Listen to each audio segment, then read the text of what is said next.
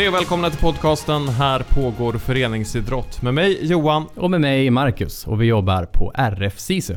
Och det här avsnittet får väl börja med att hälsa dig välkommen tillbaka Marcus. Det var ett tag sedan vi hörde din röst här i podd-etern. Mm, tack så mycket. Eh, det är ju mycket prat om återstart inom idrotten nu och det kan eh, jag känna en relevans till. Att jag gör ju en liten återstart i podden här. Just det. Efter sju månaders föräldraledighet. Mm. Du har lyssnat mycket på podd och sådär då gissar jag? eller? Självklart, varenda avsnitt. Men eh, fokus har väl annars varit på Babblarna, Fruktmums och lekparker. Ja. Låter inte helt fel det heller. Nej, det har varit bra. Ja. Eh, hur är det med lekparkerna i Växjö kan vi ställa oss frågan då och vänder oss till David Faxå. Där brukar inte jag vara så mycket, men eh, de mår väl bra, tror jag. Eh, Växjö mår väl ganska bra i alla fall. Eh, I alla fall just idag. När solen skiner eh, över oss. Det är nästan 10 plusgrader och det är vår. Skönt med lite väderprat. Ja, det är vår här nere i södra Sverige. Så eh, är det är bra här. Härligt.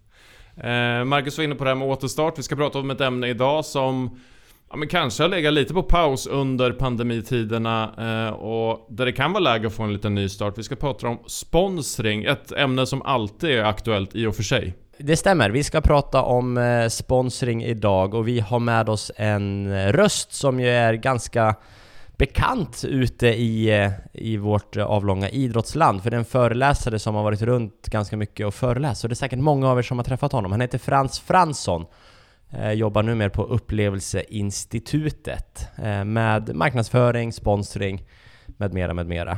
Och har ju jobbat med de här frågorna väldigt länge i lite olika former och skrivit böcker om det här bland annat. Så ja, sponsring är ämnet. Ja, och det som kan vara bra för er som lyssnar att ta med sig in i det här att det går ju att se på sponsring ur olika perspektiv. Eh, där det finns elitidrottsföreningar och det finns de små landsbygdsföreningarna och vi försöker i det här avsnittet att, eh, att täcka av en hel del utav det men kanske framförallt med fokus på de lite mindre föreningarna och deras arbete kring sponsring. Ja, eh, jag försöker väl eh, dra det ditåt för det är ändå en majoritet av, eh, av föreningarna i Sverige och eh, således bör det också vara en majoritet av er som lyssnar som jobbar i de något mindre föreningarna och kanske inte har de här miljondealsen man ska dra in utan det är lite tusenlappar här och lite tusenlappar där för att få eh, föreningen att gå runt. Så det är det vi pratar om och kanske lite hur man kan tänka lite nytt, tänka förbi det här traditionella som man kanske har tänkt tidigare, att vi byter en skylt mot 5000 kronor i en check.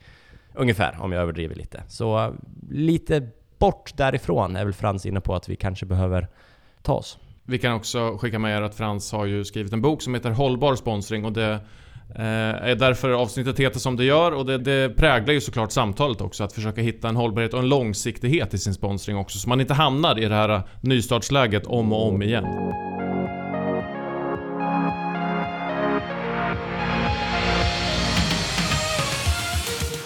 Då sitter vi i eh, vad som jag i alla fall kallar för podcaststudion på RF SISUs kansli igen och äntligen så får jag träffa en gäst fysiskt. Varmt välkommen eh, till podden eh, Frans Fransson. Tack så jättemycket. Har man varit eh, nära RF SISU distrikt så kanske man har stött på dig, för du har varit runt mycket och, och föreläst, bland annat hos RF SISU distrikt. Kan du inte berätta lite om, om vad du gör på, på jobbet? Ja, men precis. Nej, men eh, jag eh, är utbildad marknadsförare. Eh, jag har studerat här i Växjö eh, på det som då var Växjö universitet och nu är Linnéuniversitetet. Eh, och redan där så bestämde jag mig ganska så tidigt att jag ville jobba med idrott och marknadsföring.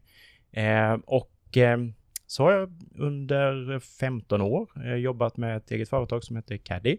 Eh, där vi eh, jobbade just med utbildningsverksamhet inom idrott och marknadsföring. Och sedan två år tillbaka, ganska så exakt, så jobbar jag på ett företag som heter Rättighetsbyrån. Och det är en publik och sponsringsbyrå som jobbar med sponsring. Och du har skrivit en bok, den ligger till och med framför oss. Det stämmer. Eh, jag och eh, Magnus Berglund, vi eh, blev klara med den här boken efter två års skrivande. Och det var en process och en resa som var fantastiskt rolig. Därför att vi tyckte väl både Magnus och jag att det saknades en bok som beskrev sponsring utifrån den svenska marknaden och utifrån föreningsperspektivet. Så därför så, så tog vi på oss det eh, jobbet och tyckte det var fantastiskt roligt. Mm, kul. Och eh, den heter Hållbar sponsring för er som inte vet det och det är väl det vi ska prata om idag. Och jag tänker egentligen att vi börjar med någon form av definition, vi ringar in eh, området. För sponsring är ju ett begrepp som man ofta hör i idrottsföreningar, men kan man definiera sponsring? Va, vad är sponsring? En jätteviktig fråga är att just göra det och jag brukar i mina föreläsningar också vara tidigt förklara hur, hur jag ser på sponsring. Och sponsring är ju, handlar ju om att egentligen att först och främst leverera ett kommersiellt värde tillbaka till sponsorn för rättigheten. Eh, det handlar om att det ska bygga på ömsesidighet, det ska bestå av ett samarbete, brukar jag säga, där båda parter på olika sätt då ska gynnas. Och det ska också bestå av ett avtal eller kontrakt. Eh, om de här kriterierna då uppfyllda så, så kan man kalla, att, kalla det för sponsring. Ja. Eh, sen är det också som så att eh, branschorganisationen eh, som jobbar, eh, som heter då SES, eh, Sponsring och Event Sverige, de har en definition för det här och de pratar bland annat då att sponsring handlar om en affärsmässig metod för kommunikation. Och eh, associationsmarknadsföring är ett sånt där begrepp som vi brukar slänga oss med då, eh, som är centralt för sponsring. Mm. Eh, och att det är, existerar, eh, att man pratar sponsring, föreningar har sponsringsgrupper och så vidare. Varför är, varför är det här så viktigt? Varför är det ett ämne som idrottsföreningar bör prata om? Dels därför att, att sponsring är idag en väldigt, väldigt viktig intäktskälla för väldigt många föreningar. Eh, så därför så, så eh, är ju sponsring en central del för helt enkelt att kunna finansiera sin verksamhet. Eh, vi kan också se då att eh, Sponsring omsatte 7,4 miljarder vid senaste beräkningen som, som gjordes. Och, eh, det görs av eh, Institutet för reklam och mediestatistik, IRM. Eh, och av de 7,4 miljarderna så gick cirka 70 procent till idrotten. Oj. Så det innebär att 5 miljarder då eh, går att relatera till idrotten. Och det som också är väldigt intressant att säga i sammanhanget, det är att man kan tänka sig att det är de större rättighetsinnehavarna då, eh, som eh, de större evenemangen, föreningarna eller förbunden som, som får den största kakan. Men, men tittar man så är majoriteten av sponsring eh, regional och lokal. Eh, och det indikerar ytterligare liksom vikten och betydelsen av att kunna nå ut i eh, föreningslivet lokalt. Så det är en, det var ju min eh, fördom, att, att det verkligen var de här alltså liganamnen eller arenanamnen eller liksom event, alltså lopp och sånt som har en sponsor där. Men det är alltså framförallt kvartersklubbarna. Ja, man, om man slår ut det och, och, gör, eh, så att säga, delar upp det så att säga, så är det, är det på det sättet. Ja, häftigt. Men varför gör företagen det här? Och, framförallt om det är liksom på den här lilla nivån. Jag kan väl förstå varför Obos går in och sponsrar damallsvenskan. För då, då hörs man ganska mycket och sånt. Men, men varför, varför vill lokala företagare sponsra den kvartersklubben? Ja, men alltså eh, när vi eh, satt med eh, boken och, och, skrev den så var en viktig del just att titta på det och analysera vad, vad finns det egentligen för motiv till sponsring idag. Eh, och det vi landade i där, det var egentligen i sex eh, motiv eh, där eh, eh, associationen då är, är, väldigt viktig. Att skapa kännedom för företag är ju en annan aspekt som ofta har varit väldigt viktig och exponeringsvärdet där har ju varit väldigt centralt i sponsring om man, om man går historiskt tillbaka då. I alltså att man ska säga, ja men jag ser eh, skylten, jag ser trycket på kläderna. Det är just det, det är det företaget och sen möts man av det. Är det det? Mm. Exakt, precis. Det vi kan se, det är ju att eh, samhällsengagemang blir allt viktigare mm. som motiv för företag. Eh, så tittar man över tid så har ju det eh, varit eh, något som, som allt fler företag eh, anger som det viktigaste skälet idag. Eh, och eh, så att, så att det är också ett viktigt motiv. Ett annat motiv som man heller inte får glömma bort, det är det som är det interna motivet, eller en del pratar då om HR och, och personalen, att, att man, man, sätter det i fokus för att få en friskare och mer hälsosam eh, vardag för sina medarbetare helt enkelt. Okej, okay, så liksom att ett företag, ett större företag kanske sponsrar en lokal aktör som ser till att de som är anställda kan träna på lunchen eller någonting. Exakt. Och ett sånt exempel är ju Atia då som, som har gått in i svensk friidrott och jobbat med, alltså väldigt strategiskt eh, med att få sina anställda att må bättre Okay. eh, på en rad olika sätt.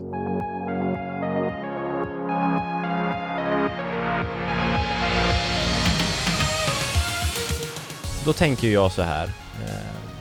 När, när jag spontant tänker sponsring och jag, jag tänker på den lilla föreningen, lilla klubben. Då tänker jag kanske lite landsbygd, att man går till den lokala ICA-handlaren eller BJ Plåt eller vad det kan tänkas heta. Det var ett fiktiv, fiktivt namn. Eller det finns säkert någonstans i Sverige. Men liksom, och sen får man, eh, inte vet jag, 10 000 kronor. Sen har man en skylt på idrottsplatsen i, i tre år.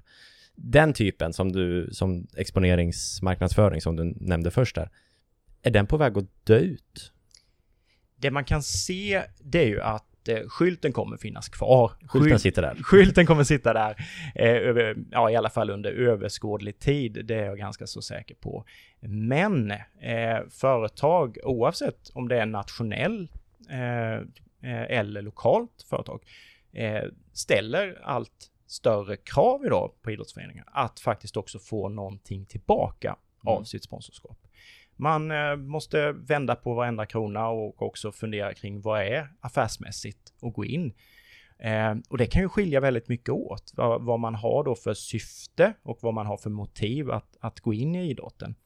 Ett viktigt motiv, får man ju inte glömma bort, det är ju just att också visa sitt lokala engagemang. Mm. Så för det här eh, J-plåt eh, Mm. eller motsvarande så kan det vara väldigt viktigt att, att faktiskt vara engagerad och eh, ha ett samarbete med den lokala klubben på orten. Eh, det får man inte glömma bort. Det är också ett typ av samhällsmotiv som stimulerar den typen av, av engagemang då. Det är väl det där man måste landa, för jag tänker att det är ganska mycket goodwill på något vis. Alltså så här att man, ja men, det är, man, man känner någon och sen, ja men, vi hade ett bra, en bra marsmånad, så ni får överskottet från mars liksom. Ta det och, men du menar alltså att det är, det finns ett lite större syfte än så? Ja, men det gör ju det och, och det är klart att eh, tittar man på eh, företag som går in med, med mindre belopp så, så kanske man inte är, eh, i alla fall har man inte varit lika eh, angelägen om att få varenda eh, krona utvärderad och, och se liksom effekterna. Men om vi, om vi ser hur, hur de större företagen idag resonerar eh, så, så resonerar de väldigt mycket med eh, att det måste landa i någon form av affärsmässighet på eh, Rättighetsbyrån som, som jag jobbar på eh, så gjorde vi en eh, eh studie här om året där vi tittade på de 11 stora sponsorer. Eh, och där kunde vi också då se hur, hur, vad de uttryckte. Vad har de för motiv att gå in i sponsring idag? Och eh, där kan vi se att eh, det affärsstrategiska motivet eh, har blivit väldigt, väldigt centralt. Eh, så att vi kan glömma bort just på den nivån att, att det, det finns någon form av vd-sponsring eller att exponeringen är allt. Eh, där är det mer fokus på att det faktiskt också ska gynna deras affärer. Och då kommer vi ju, de som lyssnar på det här är ju framförallt föreningsledare och då tänker ju jag att i och med att sponsringsmarknaden eller sponsringsbranschen eh, förändras över tid här, eh, ganska mycket de senaste åren ändå, eller en hel del i alla fall. Måste man som förening tänka till eller tänka om här? Liksom, vilka, vilka råd kan vi ge till idrottsföreningar, de här marknadsgrupperna kanske som ändå finns ute i landet? En jättebra fråga och, och jag brukar tänka så här att man dels måste man tänka till internt. Eh, hur ser den här sponsorgruppen ut? Eh, kanske att man behöver organisera sig, att kanske behöver få in fler personer helt enkelt. Eh, få in personer som, som är ja, som inte finns representerade i gruppen idag, som, som kanske har annan typ av expertis eller ja, helt enkelt annan bakgrund. Lite mångfald och liksom jämställdhet även i sådana typer av grupper. Ja, det tror jag är en väldigt viktig del för att också få in ja, men, lite ny tänk och få, få in eh, ny, ny inspiration och entusiasm i, i en grupp. För, för, för min bild är jämställdhet om vi, och mångfald, om vi har de två parametrarna, det diskuteras väldigt mycket och kanske framförallt på styrelsenivå och det kanske till och med står i stadgar att man ska ha viss fördelning av, av kön och så, men jag tycker det är ganska sällan man möts av att marknadsgrupperna eller sponsringsgrupperna som kanske finns att, att man ska tänka dit. Ja, och jag tror framförallt att man måste tänka också att sponsring är en integrerad del av eh, föreningens verksamhetsutveckling i stort. Mm. Så att eh, om man nu så att säga ska jobba med att eh, lyfta jämställdhetsfrågan i föreningen så, så är ju det alldeles ypperligt att jobba tydligt och, och kanalisera ut i, i en sponsring. Eh, och de delarna måste vara liksom kommunicerande kärl mellan varandra. Eh, att man förstår hur man Eh, att, att styrelsen så att säga skapar rätt förutsättningar för sponsorgruppen att jobba. Mm. Eh, och där är det jätteviktigt just att man gör det här förarbetet väldigt bra. Eh, det, det handlar liksom om att tydliggöra vilka förutsättningar man har, tydliggöra förväntningar och organisera sig på bästa sätt. Så att just det här att jobba internt i sponsorgruppen är otroligt viktigt. Men säg då att man har, man har fått ihop en bra grupp på fem personer. Det är blandade åldrar eh, från alla kön och så, mångfald. Och sen har man ett mål eller kanske ett så här, ni ska dra in 100 000 den här säsongen eller det här året. Börjar man ringa då eller vad är, vad är steg två? Ja, men alltså, vi, jag tycker också en viktig del det är ju att göra sin research och eh, tänka långsiktigt. Eh, för det möter jag väldigt många just frågor som hur kan vi få eh, in de här eh, sponsormedlen till eh, den här kuppen som är kanske om eh, ett par månader framåt i tiden och så. Och att, eh, det är den första, första perspektivet som jag tycker att man ska ha med sig, att eh, sponsring handlar om att jobba eh, långsiktigt, målmedvetet, strukturerat och eh, när man just ska, ska komma till den fasen där man ska kartlägga då marknaden så behöver man ju också stanna upp och titta lite, ja men hur ser vår marknad ut? Vilka eh, branscher är starka på vår ort? Eh, vilka företag eh, är det som går bra? Eh, vilka företag har en sponsorvana sedan tidigare? Så att det gäller verkligen att göra sin research och, och förstå ens marknad då på ett, på ett bra sätt. Så först sätta gruppen, sen göra researchen. Är det nu man börjar ringa eller? Ja, men nu, får, jag börja, får jag ringa nu? ja, men nu får du ringa och, och då tycker jag att det är också viktigt att, att eh, det, det är ju ett litet, ibland kan det vara ett detektivarbete innan man hamnat rätt. Eh, för det är ju som så, ofta så slussas man runt och, och, man kanske inte når rätt första gången. Så att då är det ju också tålmodighet som krävs. Eh, men, men det viktiga som jag vill skicka med om man nu kommer in på ett företag, du, eh, låt säga att du får sitta ner med marknadschefen eh, på ett företag. Då är det jätteviktigt att du har läst in dig på det här företaget. Eh, vad står det om dem på hemsidan? Eh, vad säger de bland annat om sitt arbete med eh, hållbarhet? Hur eh, matchar det era eh, värderingar och era tankar i föreningen? Eh, så att ni också har liksom som förening en idé när man kommer in.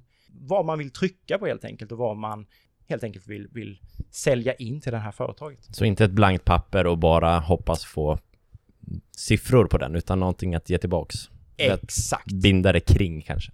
Ja, men exakt. Och, och, många gånger så vet jag att sponsorer och företag efterfrågar någon som har en kreativ idé, som har tänkt till och som redan på första mötet kan liksom komma igång med att eh, se framför sig hur det här samarbetet skulle kunna se ut. Ska man liksom ha paket? För det är ändå ganska, det upplever jag när jag är ute i klubbstugorna och kanske pratar med någon i sån här grupp, att man har man har det stora sponsringspaketet och då är det skylt och matchtröja och vi kan hjälpa till och på någon stå på en parkeringsplats och lotsa bilar. Och sen det lilla paketet, då är det bara 5000 kronor cash rakt av. Hur, hur tänker du kring liksom sådana här färdiga, färdigbyggda paket? Färdigbyggda pa paket eh, har ju sitt syfte. Det blir ju liksom eh, enklare på det sättet att förhålla sig till ett färdigt paket. Det kräver ju mycket mer av en förening och en sponsorgrupp att jobba med det mer skräddarsydda. Men det vi kan se över tid så, så eh, är ju det skräddarsydda något som allt fler anammar. Eh, och här i vissa fall så kan, kan det handla om att man eh, har någon kombination av det hela. Att man har någon form av grundpaketering som man utgår ifrån, men att man kan välja till delar som just företaget vill få, vill få ut av sponsorskapet. För återigen så handlar det ju väldigt mycket om vad har just det här företaget för motiv? De kanske inte alls är intresserade av den där skylten, men de är jätteintresserade av att eh, synliggöras eh, i, ett, eh, i, i föreningens jämställdhetsarbete. Och då är det klart att då måste man ju ha den möjligheten att kunna anpassa paketeringen och erbjudandet.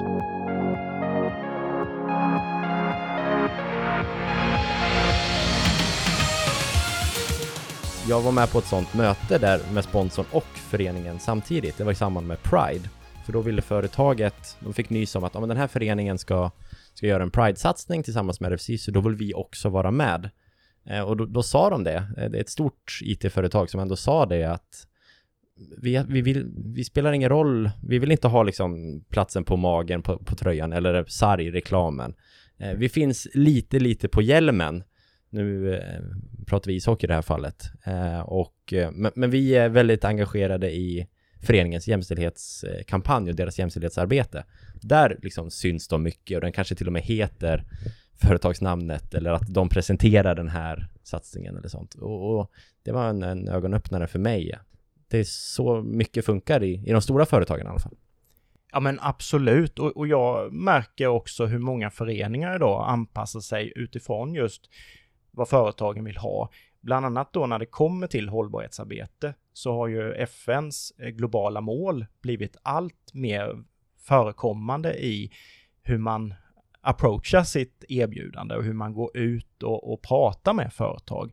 Eh, och, och, det som är fördelen där, det är ju också att här har vi ju ett gemensamma mål eh, om framtiden, vad man vill uppnå. Eh, och då gäller det ju för föreningen och företaget och ibland från det offentliga så att säga att sitta ner. Men vad har vi på just vår ort eller i vår region som vi behöver driva på i, i, eh, ja, i en viss utveckling? Vad har vi för samhällsutmaningar? Och då är det ju mycket enklare, ja men identifiera vilka, vilka av de här globala målen har ni som förening en trovärdighet att prata kring?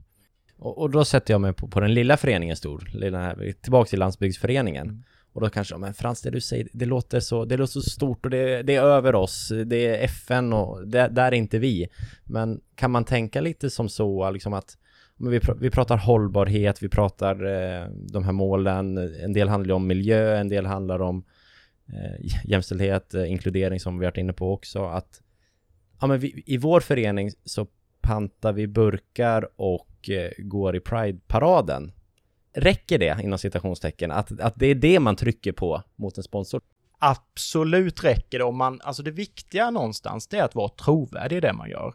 Att klistra på någonting bara för att sälja in mot ett företag, det kommer inte ha någon framgång, i alla fall inte långsiktigt. Så det kanske inte bara att gå i paraden, utan man kanske ska jobba med de frågorna under året också? Ja, exakt. Att, och, och många gånger så är det ju som så att i föreningslivets DNA så handlar det om att eh, jobba med hälsa och välbefinnande. Eh, FNs globala mål, eh, nummer tre. Eh, och, och det är klart att bara där så har man ju en trovärdighet som förening när man kommer ut och, och pratar med företag. Så att många gånger så handlar det om att faktiskt titta internt och vad är vi starka på? Vad är just vår förening kända för? Och, och många gånger så, så hänger det ju ihop med hur, hur man jobbar i en föreningsverksamhet redan. Mm. Eh, så att många gånger handlar det bara om att man ska uttrycka det och kommunicera det. Som vi sa, hållbar sponsring, vi har pratat eh, hållbarhet här i slutet. Är det, liksom, är det så du ser på, ändå med titeln på boken är hållbar sponsring? Är det är det så man ska se det som hållbart eller är det liksom ekonomiskt hållbart över tid för en förening att, eller hur, hur ringar du in hållbarhetsbegreppet? Jag brukar säga att hållbar sponsring är ju både liksom ett sätt att, se på, eh, ett synsätt eh, kopplat till innehållet, att eh, sponsorskapen blir eh, ännu bättre om man också kan eh, få in det här samhällsengagemanget och eh, kunna jobba tillsammans då med näringslivet eh, i en rad olika frågor. Men det är också väldigt viktigt att hållbar sponsring blir eh, en fråga om eh, hur man jobbar internt. Alltså hur man strukturerat och systematiskt jobbar i föreningen eh, för att också eh, ja, helt enkelt ha en plan för sitt arbete. Eh, och där är det jätteviktigt att man sätter sig ner som förening och tittar på men vad har vi för styrkor? Vad har vi för resurser? Eh, vad har vi för kommersiella värden? Vi, vi kanske har en fantastisk ledare i vår förening som skulle kunna gå ut och föreläsa och då ska man ju definitivt se det som ett jättestort värde. Så att eh, det handlar om att verkligen analysera vad man har och, och erbjuda också. Vad bra! Eh, jag känner mig stark. Jag hoppas att vi kan med hjälp av det här bumpa upp de här 5 miljarderna till 6 miljarder vid nästa undersökning eller så. Eh, ifall, man, ifall man tänker lite mer strukturerat och lite mer långsiktigt och hållbart kring sin sponsring ute i föreningarna. Vi ska runda av det här Frans. Jag tänker, är det någonting på ämnet som jag säger, men David, varför har du inte frågat den här frågan? Jag vill ju ändå få ut det här budskapet till föreningarna. Om man, för många gånger så, så brukar man fråga, har du några exempel på hur man kan tänka och hur, har du några exempel på hur föreningar som, som har gått den här vägen? Och mm, det är bra. Ett sådant exempel som jag skulle vilja lyfta, det är Eskilstuna United, apropå att vi har pratat om just jämställdhet. De är en, en eh, väldigt, väldigt framgångsrik, duktig eh, damfotbollsförening som, som eh, har eh, jobbat under flera år med sitt sociala arbete, eh, sin, sin sociala hållbarhet. Eh, Jätta United är något som, som är känt för många just eh, och som skapar stort värde. Eh, det de har gjort eh, nu då, eh, de har paketerat om sitt sponsorskap till att det handlar mycket mer om att lyfta just jämställdhetsfrågan. Så de har enats i en manifestation som heter Jag 2030. Eh, och eh, Jag 2030 eh, är det som syns på deras tröja. Eh, så de har tagit bort alla de här sponsorlogorna och ersatt det med det här viktiga eh, budskapet. Ja, vad häftigt. Ja. Som då flera företag står bakom. Exakt, och det roliga i, i hela denna historien är ju också att de har kunnat nå ut till fler företag i Eskilstuna och i Sörmland som de inte tidigare kunnat nå. Eskilstuna alltså. Det... Förebilderna. Bra, bra avslut här, eh, Frans.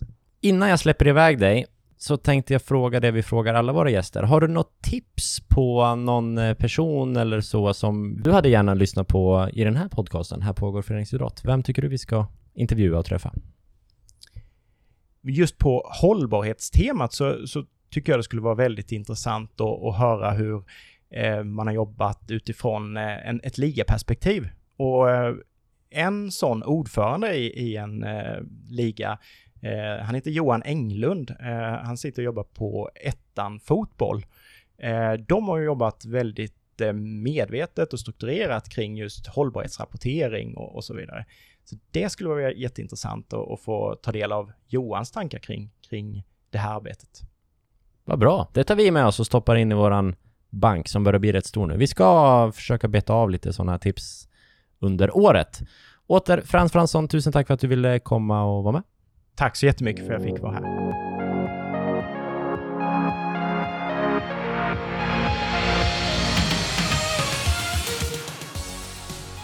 Då tackar vi Frans Fransson för hans medverkan i våran podd och jag vänder mig till dig David och ställer den klassiska frågan. Vad tar du framförallt med dig från ditt samtal med Frans? Ja, det finns ju en hel del tankar som snurrar kring sponsring. Jag tänker lite hur man kan presentera och prata med det här i min arbetsroll till föreningarna. Jag tänker på min egen förening där jag sitter med i styrelsen. Hur kan vi tänka om, tänka nytt kring vårt sätt att försöka engagera företagarna, eh, de lokala och så.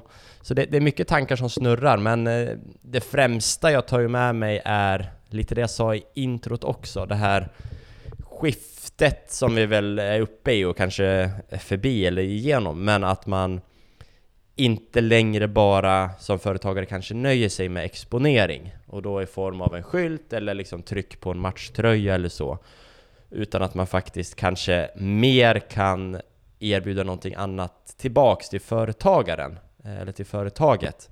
Och där var ju Frans inne på lite exempel, han pratade om att har man en skicklig ledare kanske hen kan komma och föreläsa eller så, eller Eh, man kan erbjuda ett eh, cirkelträningspass varje torsdag lunch kanske, eller att man inte vet jag, kan inventera med A-truppen i butiken. Alltså byta pengar mot eh, gentjänster på något vis. Eh, som ger företagare, eller företagaren tillbaks.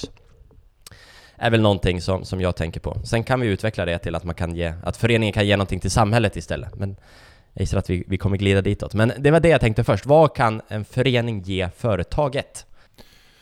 Ja, men jag håller med och det, det, är ju intressant att börja tänka då kring vad gör vi som redan är bra i den här föreningen? Och då kan man ju glida in på liksom samhällsnyttan men också då kring att idrotten är ju ett, eh, ett verktyg för att få friskvård så att säga. Och det tycker jag, det är ett perspektiv inte jag har sett på, på, på det sättet tidigare. Att man kan knyta an liksom sponsring kopplat och byta ut det mot någon form av friskvård. Jag tänker ju att eh, Friskis och Svettis vore väl, borde ju vara superintresserade av att jobba på det sättet. Kan man tänka sig.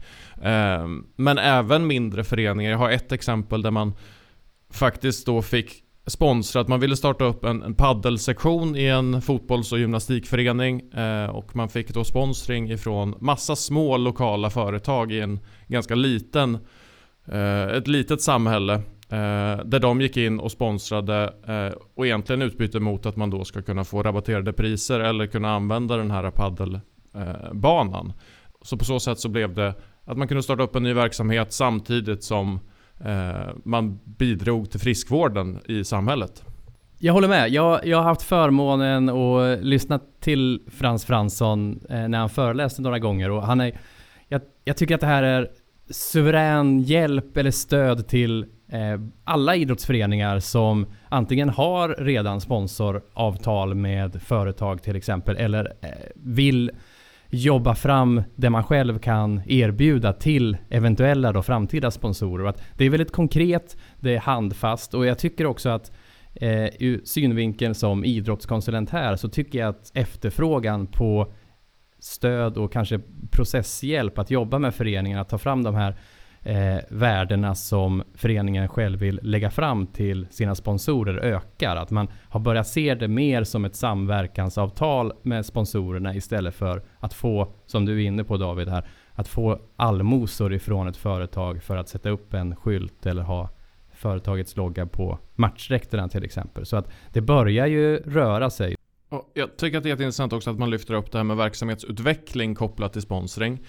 Där man då kanske kan fastna i att tänka för mycket tror jag kring vad är det företagen vill ha, då ska vi ge det. Utan kanske fundera vad vill vi och vilka företag kan vi hitta som vill samma sak som oss. Jag tror att det är jätteviktigt att ha med sig den här också så att man inte börjar göra saker som man egentligen inte tänker att verksamheten ska bedriva utan man funderar och jobbar kring sin egen verksamhetsutveckling och i det tänker in frågor kring sponsring när vi börjar titta på verksamheten. Och där tror jag att vi som eh, konsulenter ut mot föreningarna har ett jätteviktigt uppdrag att liksom föra in det när vi ändå jobbar med verksamhetsutvecklingen. Att tänka, hjälpa dem att tänka kring sponsringsdelar också i det arbetet tror jag eh, kan vara super, super nyttigt och någonting som Eh, ja, men förhoppningsvis kan bidra till väldigt mycket gott både i föreningens egen verksamhet men också i samarbeten med eh, företag och sponsorer.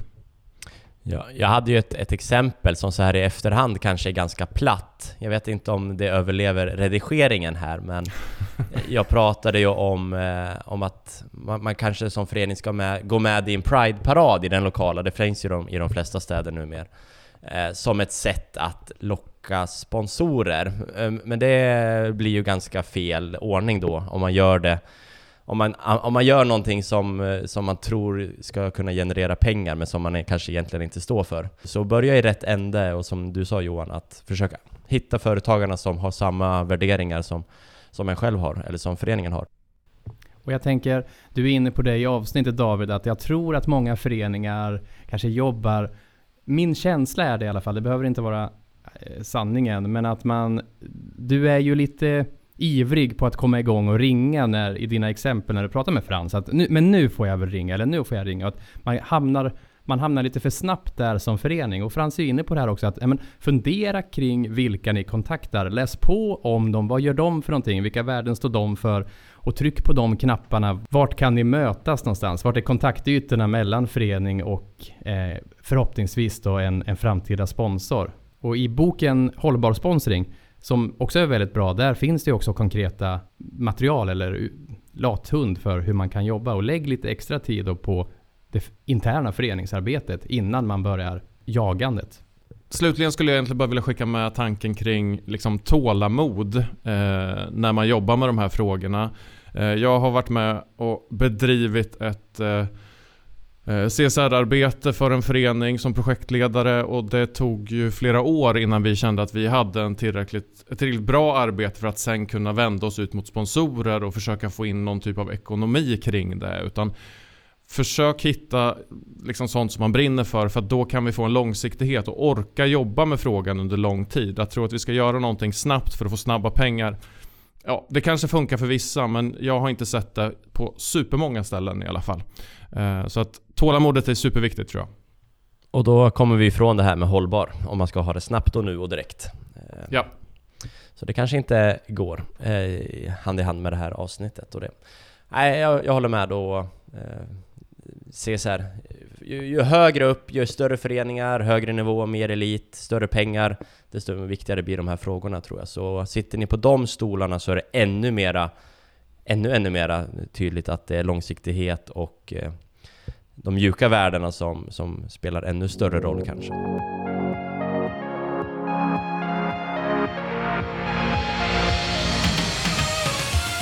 Du har lyssnat på ett avsnitt av podcasten Här pågår föreningsidrott som görs av RF SISU. Vi vill gärna komma i kontakt med dig som lyssnar för att få synpunkter och tips på framtida ämnen eller gäster. Och vill ni kontakta oss så gör ni det enklast via vårt Instagramkonto. Där heter vi Här pågår föreningsidrott ihopsatt i ett ord. Ni som hellre vill skicka ett e-post gör det på e-postadressen podd rfsisu.se. Vi hörs igen om två veckor. Hoppas ni är med oss då.